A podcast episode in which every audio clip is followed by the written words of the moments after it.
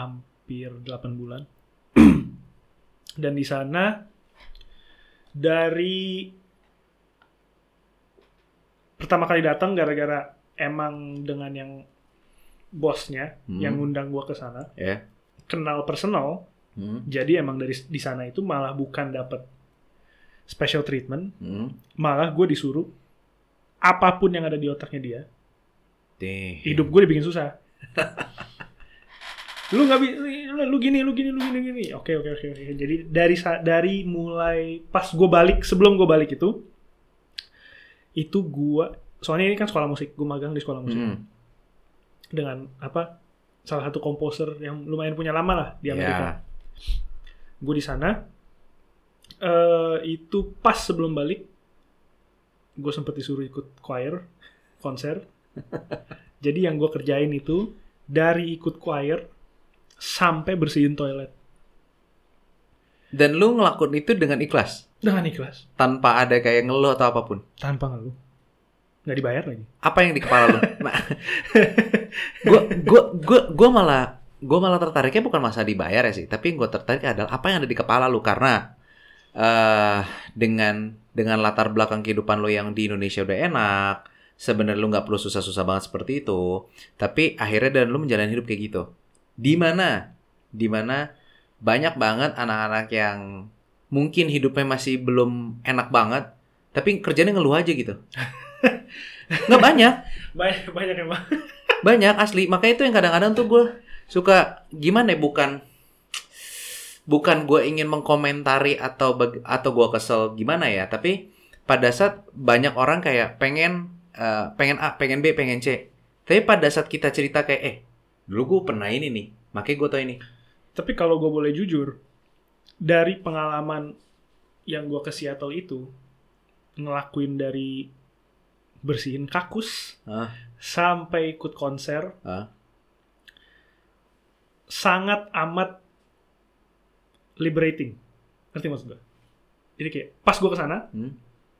itu kayak page-nya blank aja Karena Ya, lu gua juga, gua karena ke sana. lu nggak berekspektasi apa pun juga. iya Pas berangkat juga nggak nggak ada ekspektasi ada kan? ekspektasi Ah. apa gue nggak tahu job desk magang gue apa gue nggak ngerti apa apa pokoknya gue berangkat aja ke sana Hmm. itu di sana gue di treatnya Hmm.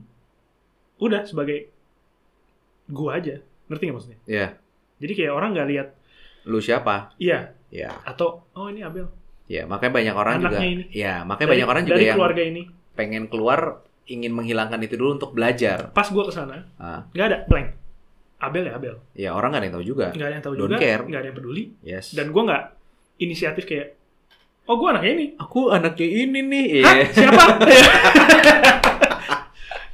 who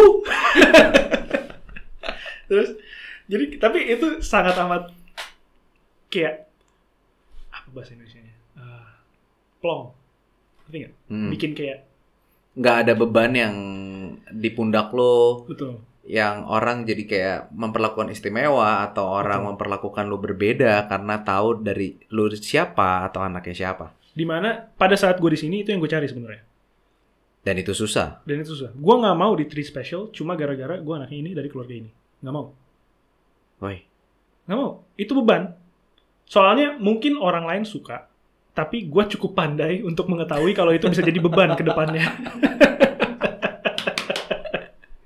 Itu bisa jadi beban ke depannya. Ta- tapi tapi menarik tapi gini eh itu itu itu makanya mungkin eh gue sama lu bisa ngobrol dan akhirnya bisa cocok ngomong.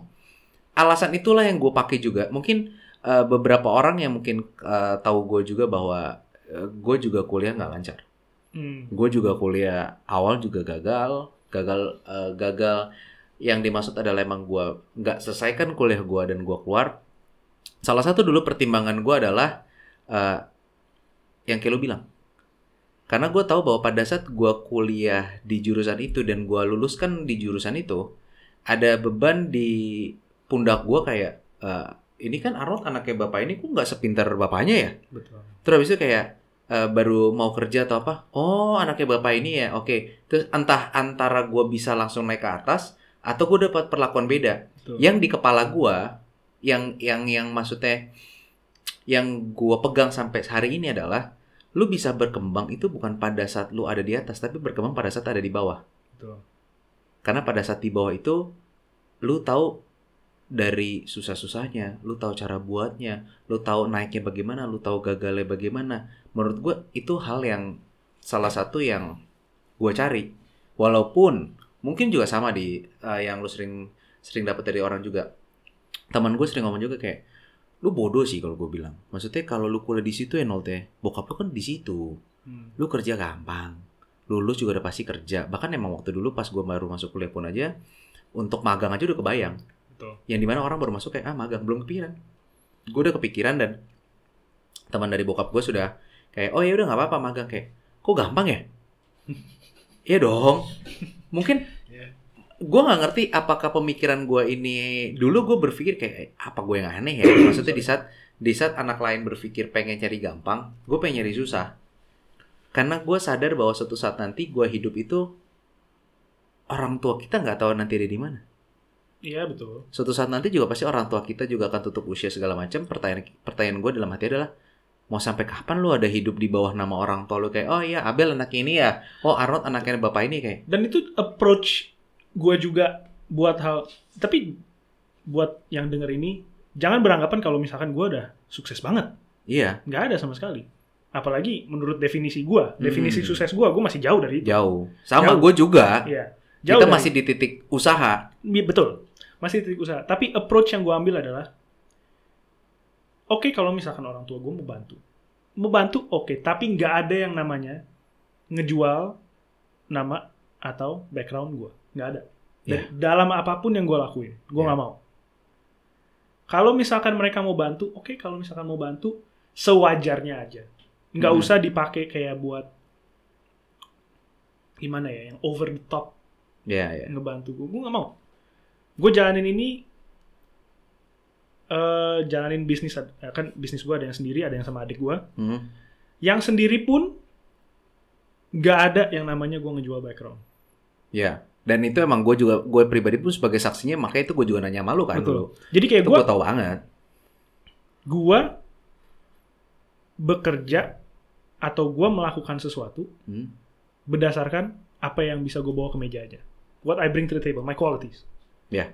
Udah itu aja sadar kualitas lah sadar kualitas itu yang penting sih sebenarnya Ya karena balik lagi yang tadi seperti yang gue ngomong juga pada saat pada saat kita ada embel-embel itu, eh, kalau gue ya menangkapnya adalah suatu saat nanti pada kita sudah di dunia pekerjaan, kita akan buta terhadap diri kita sendiri. betul Kita nggak tahu diri kita kayak kapasitas kita di mana, terus itu kemampuan kita di mana. Kenapa ya sudah terbiasa mungkin kalau at the top lu udah ada yang bantuin, lu udah ada yang bisa ngurusin segala macam pekerjaan lu. Tapi pada saat lu eh man to man sama orang, gua mungkin eh gua nggak tahu apakah termasuk yang egois kah atau apa. Tapi gue tipe orang berusaha untuk tidak mau terlihat bodoh di depan orang.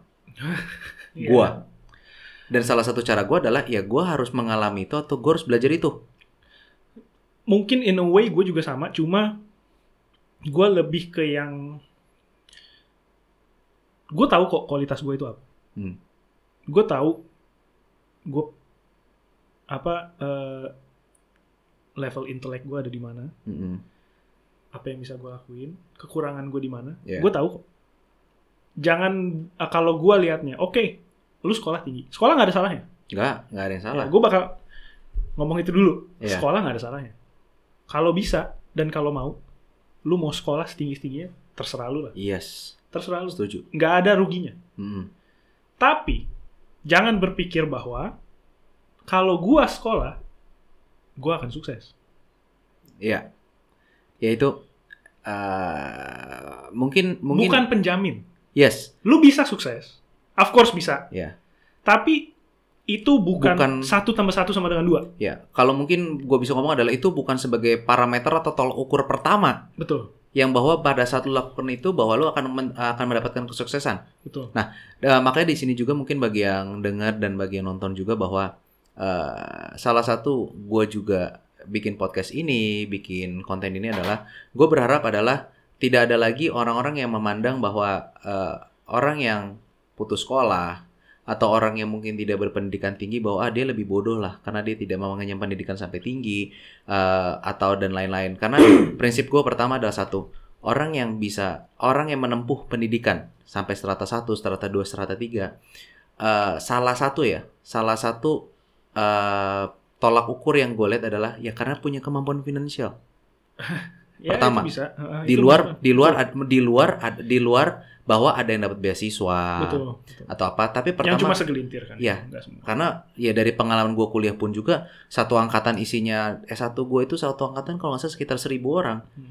yang beasiswa paling berapa Mm-mm. jadi makanya gue bilang bahwa tolak ukur pertama adalah ya karena bersyukurlah kalian yang bisa kuliah karena mungkin orang tua kalian diberikan diberikan dan dititipkan oleh Tuhan lebih sehingga kalian akhirnya bisa untuk ber untuk mengenyam pendidikan lebih tinggi. Betul. Tapi itu bukan berarti pada saat kalian uh, mengenyam pendidikan itu kalian bisa memandang bahwa uh, teman-teman kalian yang nggak sempat kuliah bahwa ada orang yang bodoh betul. dan overconfident kayak ah gue lulusan strata 1 apalagi pada saat kita masuk di jenjang strata 2 seperti gue juga masuk di strata 2 juga pada saat kita punya gelar nambah di belakang bukan berarti juga pada saat kita berpikir bahwa oh ya saya lebih pintar pada strata 1 Dan kayak yang lu bilang sebelumnya, banyak kok orang yang S1, S2 tapi ya masih apa ya kualitasnya masih tetap di situ karena itu terlalu sop itu terlalu sopan sebenarnya. sopan nah kalau yang ngomong masih nggak apa-apa karena gini Lebih kasarnya banyak orang yang S1, S2 tapi bodoh. Ya, nah di sini di sini mungkin ada beberapa orang uh, mungkin bagi yang dengar atau apa pun juga kayak ah kok kayak gitu sih gitu ngomongnya. Nah, gue mungkin kalau dari pandangan gue untuk melengkapi dari uh, dari yang Abel ngomong adalah gue sempat ngomong adalah gini. Pada saat lu kuliah S1 atau S2, tanpa lu mau mengembangkan kayak minat baca, baca buku lagi atau apa pun itu, baca berita, update segala macam, gue rasa lu akan mati di situ. Why?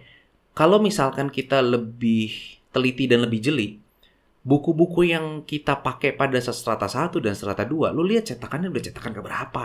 Betul. Apalagi kalau kita ngomongin Itu udah teori dari kapan tahu sebenarnya. Yes. Apalagi kalau misalkan lu kuliah di seperti jurusan gue ya, jurusan seperti kayak ekonomi, terus habis itu gue ngambil di uh, spesial untuk di marketing atau bisnis strategik. Menurut gue pribadi, salah nggak orang untuk memahami teori? Enggak. Enggak, sama tidak, enggak. tidak.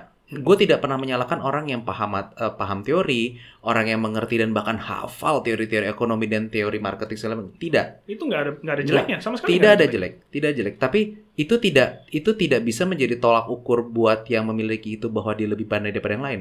Betul. Karena dari pengalaman gue sendiri, gue punya temen juga banyak juga yang nggak sampai strata dua. Tapi pada saat gue ngobrol sama dia, gue belajar baru. Betul. Gue belajar baru dari dia. Baik itu dari segi bisnis, baik itu dari segi strategi, atau baik dari segi kehidupan. Karena belajar itu kan nggak semata-mata cuman pada saat lu pinter di bidang sesuatu dan lu akhirnya menjadi sukses. Betul. Seperti yang kayak tadi lu juga uh, ngomong juga sama gue bahwa uh, tingkat kesuksesan setiap orang beda-beda. Dan akhirnya ya hari ini pun juga Definisi sukses masing-masing itu beda-beda. sehingga akhirnya hari ini pun juga gue uh, mulai bisa mulai bisa meng apa ya uh, mengartikan kadar sukses seseorang tuh seperti apa dan menurut gue ya gue setuju dengan kata lo yang kayak tadi bilang bahwa orang yang sukses adalah orang yang bisa hidup tenang that's it Betul. karena gue inget banget waktu dulu uh, nggak tahu lu sempat ketemu almarhum Pak Jafar ya sempat gak yang di Vitus Force Dia Ya. mana ya? Yang, kayak yang gimana? eh, yang dia punya bisnis juga sih pagi sih biasanya lu jarang ketemu gitu gue ingat banget dari beliau sebelum eh, jadi pada saat beliau sebelum meninggal itu eh, gue sendiri cukup sering lah untuk ngobrol sama dia gitu kan gue sempat ngobrol sama dia ah om emang eh, emang kita tuh sukses seperti apa sebenarnya kadar sukses yang harus dicari seperti apa karena kan dia selalu bilang ayo masih muda eh, kerja keras gitu kan harus sukses dan dia cuma simpel pada saat lu kalau sukses dan lu ngelihatnya materi sampai kapan pun lu akan mati Hmm. Kenapa? Lu kejar nggak akan pernah habis kata dia. Pada saat lu punya dua rumah, lu pengen punya lima. Pada saat lu punya lima, lu pengen punya sepuluh. Hmm. Tapi pada saat lu punya tingkat kesuksesan adalah ingin bersama keluarga, hidup tenang, minimal bisa membahagiakan anak-anak maunya apa bisa dipenuhin, istri mau apa bisa dipenuhin. Di saat itu tuh dia sukses dan itu menurut gue kayak oh iya benar juga ya. Iya. Kalau gua kan tadi yang gue bilang kan kayak lu hidup tenang dalam arti eh, mentally and uh, mentally mentally and and material, finance, ma- fi- ma- financially free finance free. free. Jadi lu bisa hidup uh, you can live the life that you want. Ya, Lu bisa hidup jalanin kehidupan yang lu mau ya, dan mentally lu nggak stres, ya. lu nggak terbebani sini sana. Lu pulang ketemu keluarga lu, lu bisa tenang, bisa tidur. Kan ya itu dia makanya kan karena setiap orang itu punya kadar untuk untuk bisa uh, bersyukur itu susah. Karena kalau untuk sampai berpikir untuk kadar sukses seperti kayak lu bilang, menurut gua adalah pelajaran yang harus diajarin adalah bersyukur. Which is nggak pernah diajarin di university. Eh, Ya. ya benar. Tidak itu enggak kita kita nggak pernah dapat pelajaran itu di SD, SD, SMP, SMA, bahkan strata 1, strata 2 pada saat kayak oh sukses harus gini nggak pernah ada. Enggak, soalnya mereka sendiri sebenarnya perlu ngerem kayaknya ngomongnya. Coba saya ubah lagi kata-kata. Iya. Eh, Karena basicnya karena basicnya, mm, kalau menurut gua, mm, hidup itu nggak ada blueprintnya. Kalau lu ngejar sukses, nggak ada blueprint buat sukses. ya Lu harus ngelakuin ini, ini, ini, ini, ini, fix lu sukses. Nggak bisa. Nggak ada kayak gitu. nggak ada. Satu tambah satu tidak sama dengan dua. Yes. Jadi, it, lu kuliah setinggi apa pun, Mm, itu nggak ada salahnya sama sekali. Iya. Gue jujur, gue nggak selesai, gue buang kesempatan gue. Ya. Salah. Fas- Ya. Salah, fasilitas yang gue Salah. dapet Tidak bisa lu gunakan dengan baik, tidak bisa gue gunakan dengan Iya. baik. tapi tidak bisa jadi tolak ukur. Tapi tidak bisa jadi tolak ukur apakah saya akan sukses nanti ke depannya. Iya. Karena pada dasarnya, gue percaya Ya. yang paling penting adalah someone's ability to communicate and adapt. Ya. Kalau lu bisa itu dua, lu 90% guarantee to be safe lah. Ya, ya itu emang ya itu kalimat lo gue inget banget itu kalimat yang lo sering ulang-ulang untuk ngobrol sama gue juga dan pada saat pada saat itu gue juga mikir kayak jujur ya makanya gue seneng suka kenapa gue seneng ngobrol sama orang dan gue berusaha untuk bukan berusaha ya lebih arah uh, mencoba untuk mengerti dan memahami apa isi kepala orang. Karena menurut gue setiap setiap pribadi orang itu unik. Dan pada saat dia berbeda bukan berarti dia salah. Betul.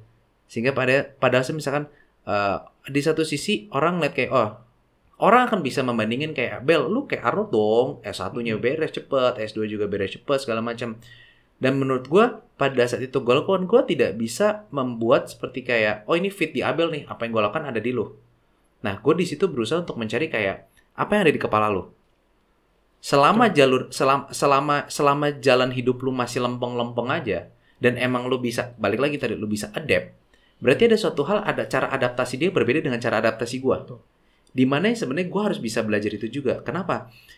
Karena kemampuan kita untuk adaptasi pada saat kita tidak nggak mau karena kalau tidak nggak mau aware dan kita juga tidak mau tahu orang susah untuk adaptasi Betul. menurut gua ya karena pelajaran hidup yang menurut gua paling berat makanya orang bilang kayak eh Arnold mah enak kalau kerja kayak gini emang basicnya udah bisa ngomong orangnya bisa kayak gini segala macam dia mereka selalu ngomong seperti itu Mereka nggak tahu kalau itu skill sebenarnya. Yes. Yang harus dilatih. yang harus dilatih Betul. Menurut dan gue bilang oh berarti susah nggak oh nggak gue bilang kalau karena gini pada saat lo ingin uh, bisa untuk berbicara pada saat lo bisa y- yakin pede depan orang gue bilang ya lo tinggal ambil short course gue atau dapat pelatihan gue untuk public speaking enough Mm. tapi menurut gue yang paling sampai hari ini gue bilang yang paling berat adalah lo bisa memahami dan mau mendengar setiap orang itu ngomong apa Betul. karena sampai hari ini pun aja gue masih uh, belum belum ketemu yang kayak teori jelas atau kayak pattern jelas kayak oh kalau kita mau memahami seseorang dan cara mendengar tuh dengerin kayak gini ya sampai hari ini sampai hari ini ya sampai hari gue ketemu gue belum pernah dapet yang ketemu orang kayak diajarin bahwa oh cara denger kayak gini nggak ada Nggak ada. nggak ada nggak ada Nggak ada ilmu pasti sebenarnya. Gak, gak ada ilmu pasti. Makanya di situ gue bilang bahwa pada saat itu lu tuh kadang-kadang melihat sesuatu hal itu yang kayak oh gue pinter ngomong dan lu melihat itu sesuatu yang hebat. Tapi pada saat pa- pada hal itu juga menurut gue pada saat gue mendengar yang gue susah. Betul. Dan yang lebih ribet lagi next level adalah eh, bukan hanya proses mendengar, tapi bagaimana lu mendengar untuk memahami, Iya. bukan mendengar untuk bertanya Iya. banyak banyak orang yang pada saat in- pada saat ingin mendengar ngobrol seperti ini di kepala dia tuh bukan pengen memahami isi kepalanya tapi kayak ini orang bisa gue debatin sebelah mana ya ini orang bakal gue lawan dari sebelah mana ya adanya perlawanan terus Kalau bahasa Inggrisnya hearing is not listening kan. yes berbeda. Iya Beda. berbeda. Di karena eh, itu dia makanya. Eh, sempat makanya itu eh, itu juga menarik. Karena waktu dulu sempat gua dengar dari YouTube atau baca ya di bahasa Inggris kan berbeda ya hearing dan listening. Di Indonesia kan sama? Iya. Dengar.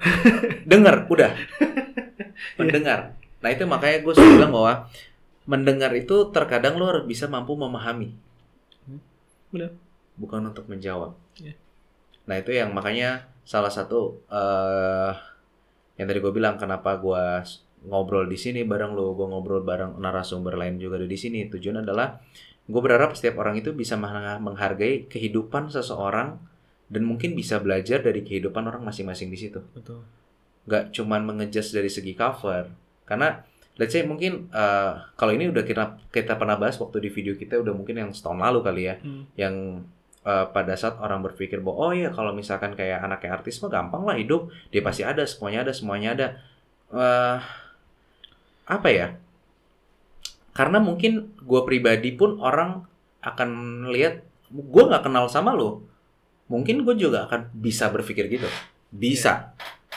Tapi pada saat gue kenal sama lo terus habis itu gue kenal sama ade lo gue juga main ke rumah lo segala macam ngobrol sama nyokap lo ternyata ada sisi yang beda nih Hmm.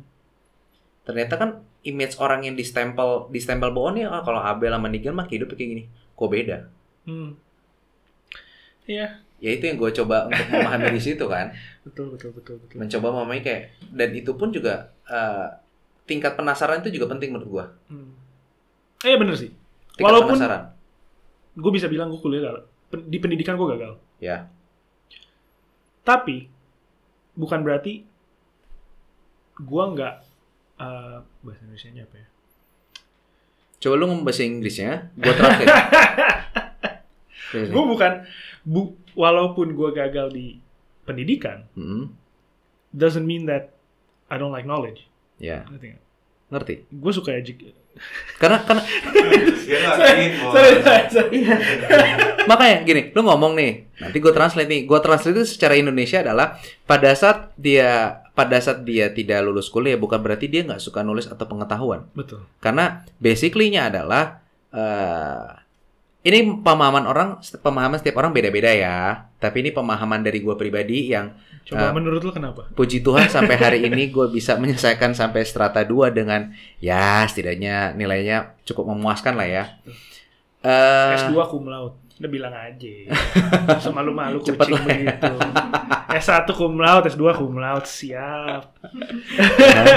Eh, karena dari dari gue sendiri satu hmm, pertimbangan gue pada saat yang tadi gue sempat bilang pada saat orang yang kuliah sampai tinggi itu satu karena emang dia diberikan kesempatan sama Tuhan untuk bisa mengenyam pendidikan lebih tinggi.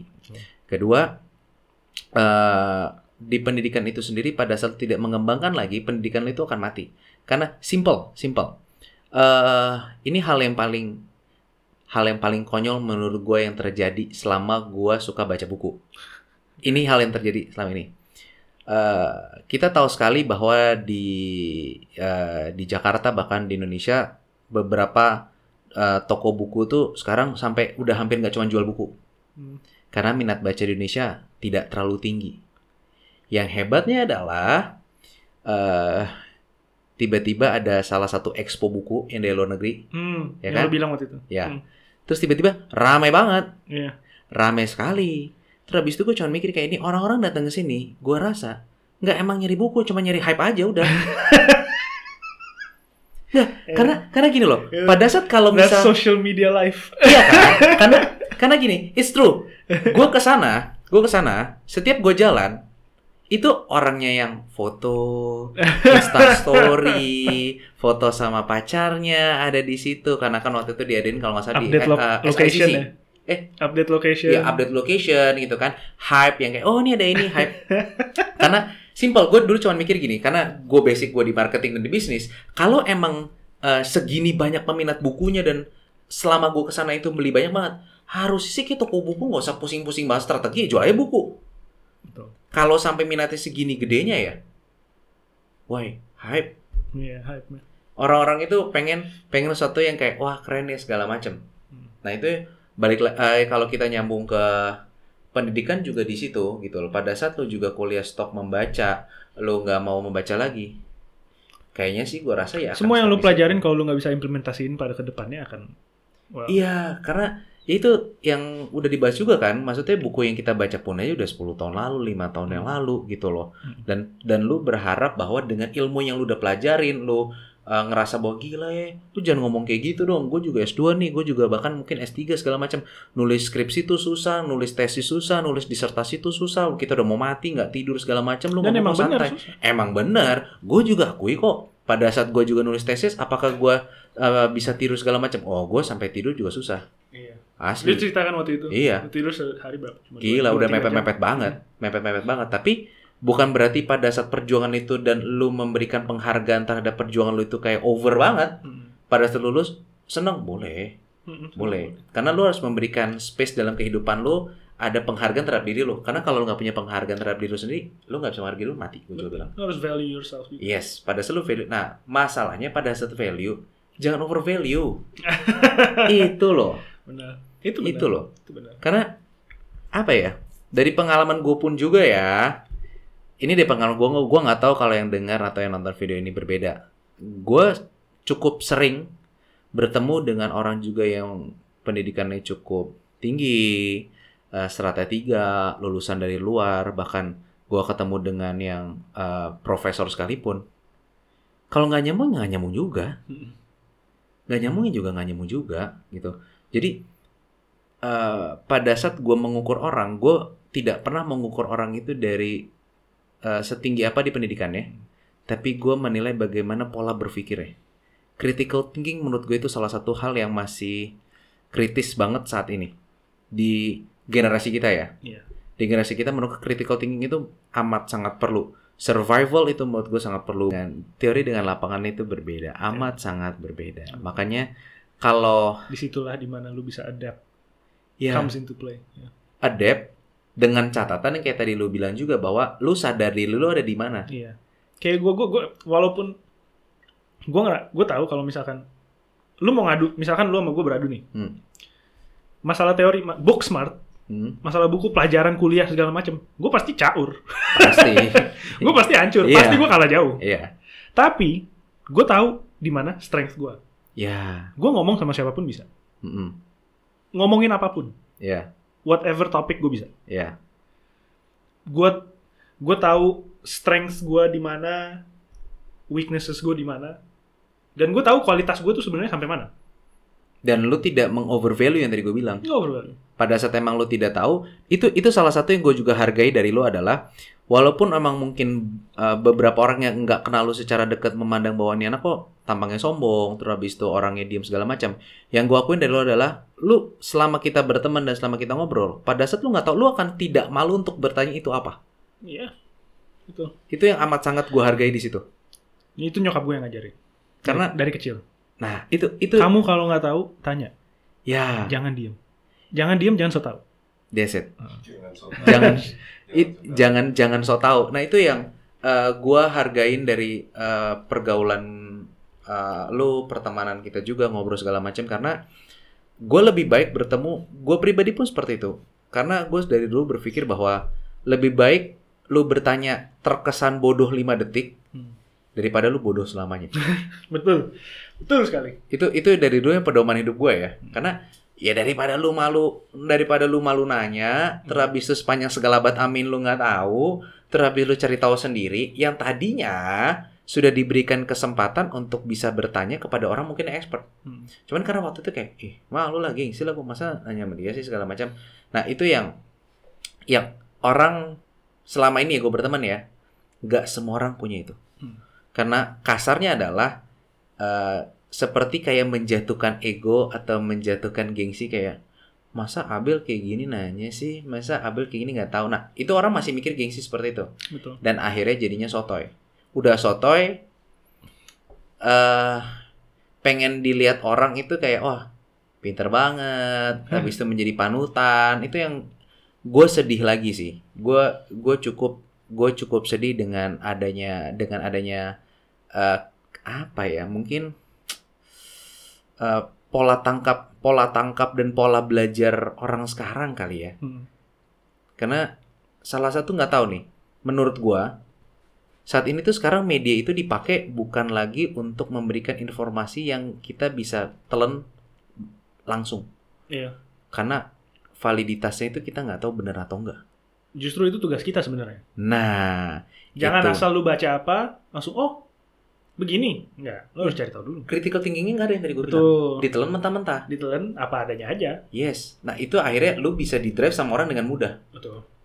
bisa di drive dengan orang amat sangat mudah Betul. Nah, itu dia yang yang gue suka memberikan masukan kepada orang, bukan ya itu balik lagi seperti kayak tadi lo bilang ya, kita berdua di sini ngomong bukan karena kita lebih pinter atau kita sudah sukses banget, enggak kok. Hmm. Kita emang uh, ngomong di sini adalah ya sebatas apa yang kita pikirkan, apa yang kita pedom dan Apa mungkin suatu tahu. saat nanti ya bisa berkembang, Betul. bisa Selalu berkembang. Pasti selalu berkembang Selalu karena berkembang. pada saat mungkin kita uh, bikin podcast ini kita tampilkan di YouTube pasti banyak masukan-masukan yang itu gua malah demen banget pada saat dikritik. Ya. Gua. Hmm. Kenapa? Karena pada saat pada saat kita dipuji kita nggak dapat apa-apa. Bener. Nggak dapat apa-apa. Ya, sekarang gini, pada saat yang kita lu bilang, kita harus tahu strength kita di mana, terus dipuji. Kan udah tahu kita. Iya. Apalagi buat tipe-tipe yang karakter kayak kita gini yang kita sudah tahu dan kita pede sekali dengan apa yang kita punya. Iya betul. Lu nggak Gua perlu- bu, bu, eh, Lu nggak perlu puji pede- kita. Itu yang itu yang itu yang yang penting sih. Lu harus pede dengan kemampuan lu sendiri itu dan lu harus tahu kualitas lu di mana. Gua nggak tahu semuanya, tidak tahu. Iya, tapi gua tahu banyak.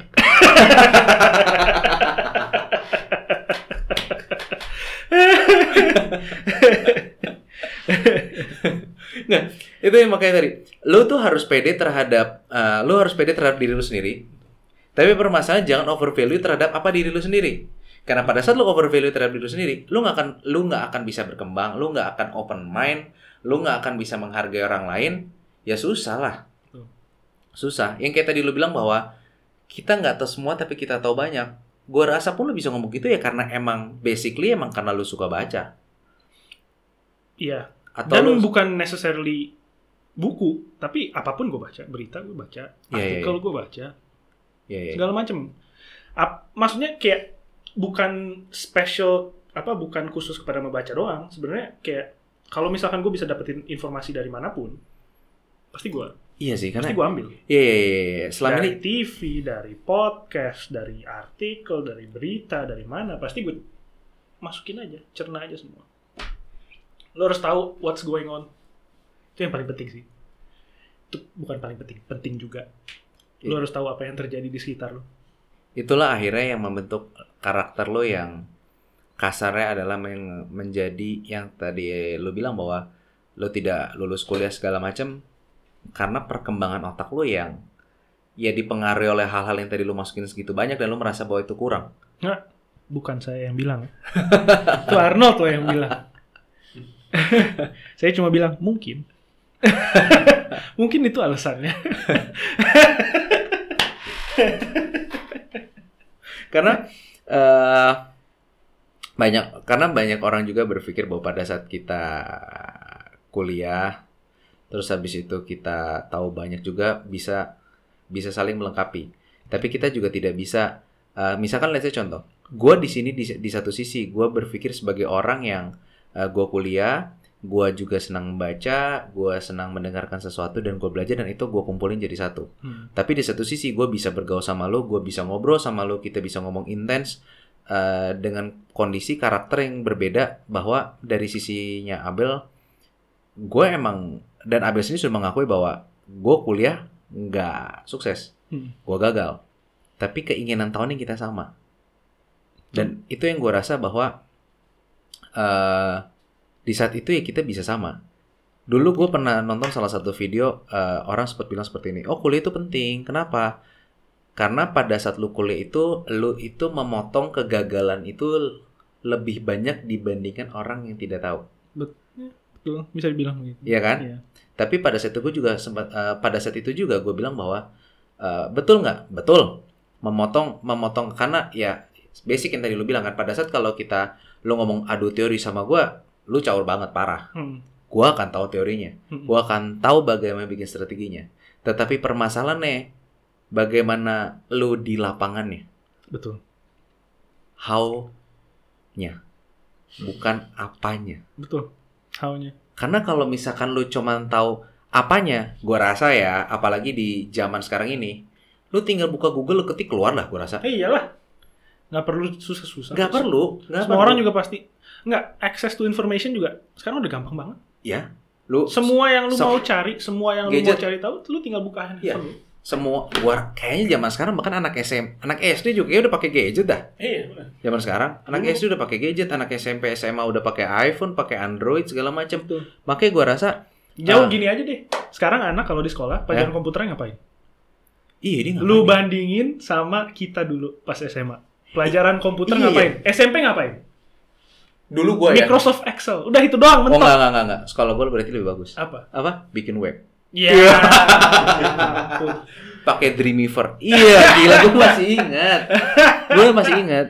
Mau, Gua tuh Microsoft, pinter, Bel. Microsoft Office. Udah, itu doang. Bikin web gue juga pernah lah, cuma web basa-basi yang lu disuruh cuma desain kayak lu tulis Oh, ini. gua sampai jadi. Nanti tulisannya taruh di mana? Iya, Gua sampai jadi. ujiannya begitu sih. Gua jadi. Website gue jelek sih Oh, sebetulnya. gua bagus. Cuma jadi. Dibayar orang deh. Tapi bener juga pertanyaan lo ya. Anak-anak zaman sekarang masih ada pelajaran komputer nggak ya? Gini deh, gue kuliah yang kedua kali. Gue jadi- satu angkatan jadi sama penasaran loh. gue satu angkatan sama anak-anak yang berapa tahun di bawah gue? 4 sampai 5 tahun di bawah gue. Yang di kampus terakhir. Ya, di kampus terakhir. 4 sampai 5 tahun di bawah gue. Semua tugas Hah? itu sama dia. Aduh, apa ya mereka? bikin waktu itu? Pas zaman kita SMA, nggak ada Microsoft Outlook kan? Ada nggak? Ada. Bukan yang buat nge-share data apa sih namanya? No no no share Google Cloud. Bukan Google Cloud apa ya namanya? Ah, Google Classroom. Gue kelihatan gaptek banget di sini. Iya emang.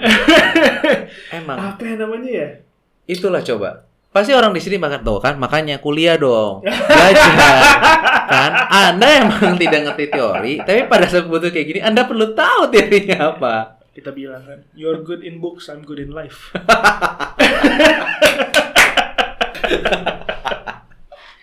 apa ya? Share share data kan pasti Gue gak ngerti lah pokoknya ada satu app itu Hmm. di mana gue disuruh pakai. Oke. Gue gak ngerti cara makainya gimana. Soalnya gue yakin 100% pas gue SMA gue gak diajarin. Mereka sudah. Mereka sudah. Apa pun itu gue lupa namanya. Pokoknya ada berhubungan dengan nge-share data terus di- kayak digabung. Ah, gue gak ngerti lah. Tapi gue kayak oke pakai ini. Gue kayak oke oke aja. Sampai rumah gue nggak search dulu. Apa ya ini cara pakainya gimana ya? Gue nggak search dulu. Akhirnya bisa sih. Cuma kayak gitu mereka udah kayak oh ya nanti di share di sini aja. Nanti kita bikin ini. Gue kayak hmm, oke. Apa pun itu oke. Sampai rumah nge-search dulu apa ya ini. Ya, ya itu makanya balik lagi pada saat pada saat kita eh kita sudah merasa tahu kan kita masih terus update lagi Betul. dan kita sendiri juga masih Nggak pernah berhenti. nggak akan pernah berhenti nggak akan pernah berhenti Dan masuknya ilmu pengetahuan itu dari mana saja. iya Lu nonton TV, banyak yang bisa lu belajar. Lu dengerin orang, banyak yang bisa lu eh belajar. tapi asli loh dengerin podcast, lu baca berita, lu deng- nonton channel YouTube.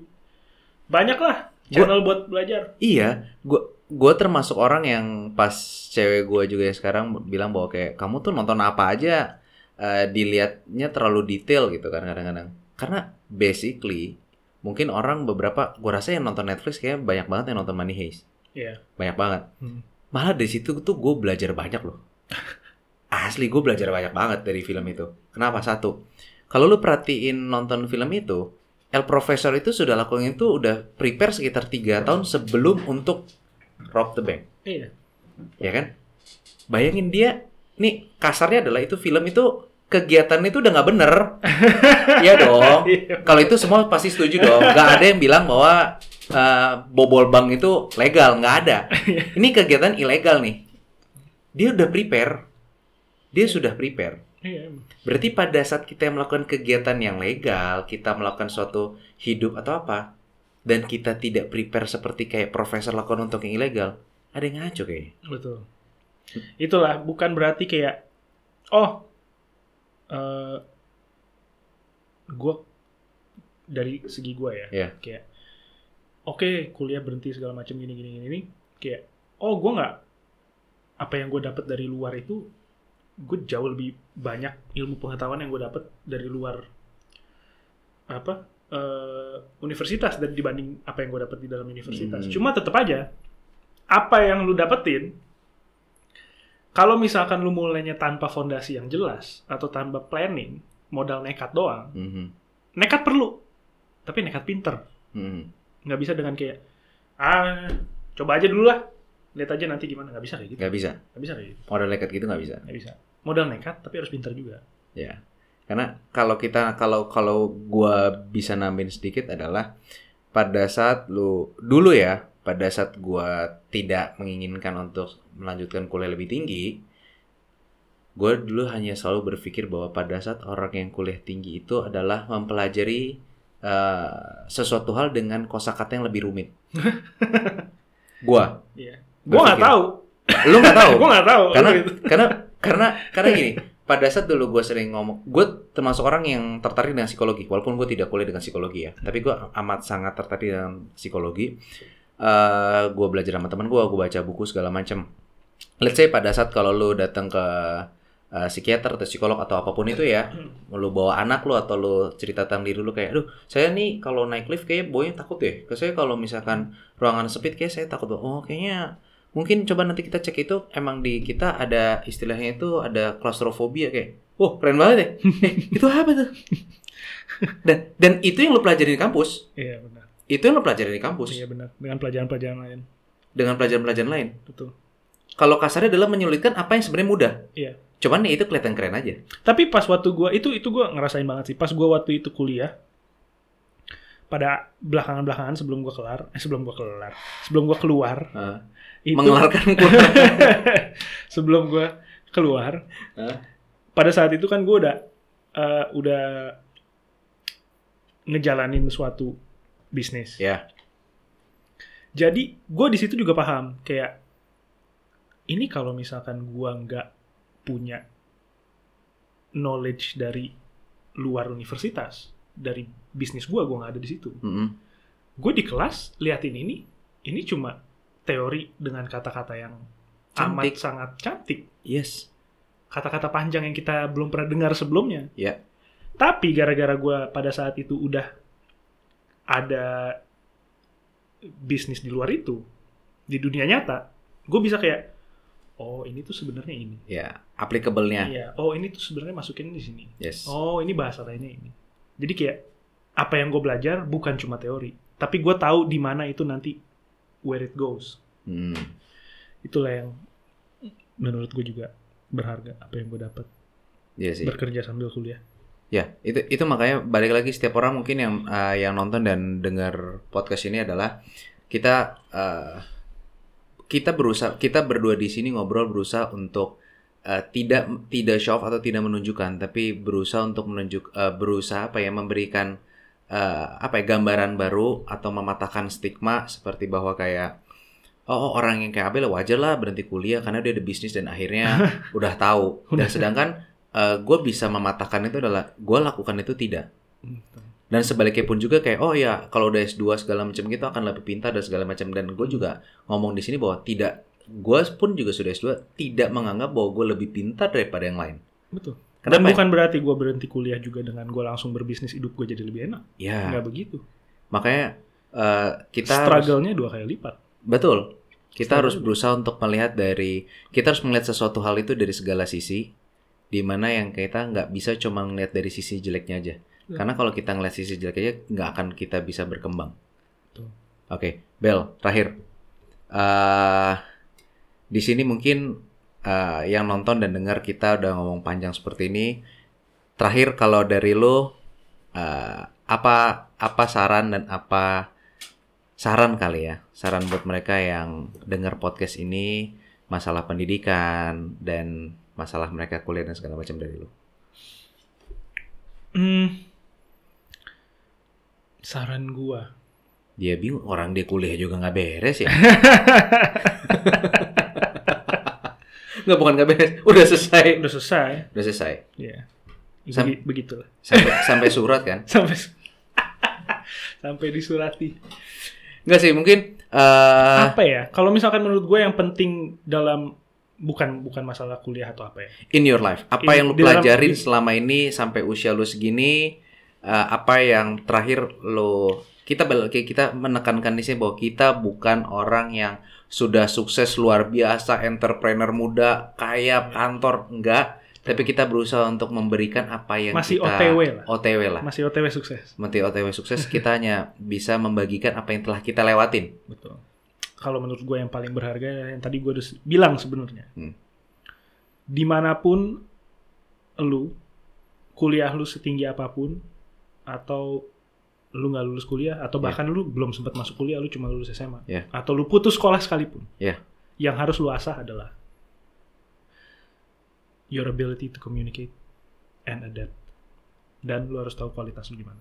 Oke, thank you Bel. Mungkin terakhir gue bisa rekup sedikit dari teman-teman sendiri apa yang dari dari tadi gue ngomong sama Abel adalah bagi kalian mungkin yang eh, sampai hari ini lagi pusing, lagi stres, ya putus sekolah, atau mungkin kalian gak bisa lanjutin kuliah, atau mungkin kalian merasa hidup kalian kayak aduh eh, merasa lebih rendah karena tidak bisa melanjutkan pendidikan lebih tinggi daripada teman-teman kalian. Atau buat teman-teman juga yang tidak kelar kuliahnya dan merasa Gagal, di situ. gagal, sebenarnya enggak. Sebenarnya enggak. Eh, kita yang penting dari Abel dan dari gue pun juga setuju adalah hal pertama yang kita harus asah adalah bagaimana kita bisa berkomunikasi dan kita bisa beradaptasi. Karena eh, dari situlah kita mulai bisa belajar bergaul, berteman dan aset menurut gue yang paling penting di saat kita bisnis atau bekerja adalah teman-teman kalian, pergaulan kalian, bagaimana mengkomunikasikan apa yang kalian tahu. Karena tidak ada gunanya kalian tahu sesuatu tapi tidak bisa mengkomunikasikan kepada orang lain apa yang kalian mau. Betul. Oke, thank you Abel. Next time Thank kita you, akan ngobrol-ngobrol lagi semuanya. Uh, hopefully dari kisi dari video ini banyak orang bisa belajar apa yang kita telah lewati. Mudah-mudahan. Siap. Thank you, Well. Saya thank you.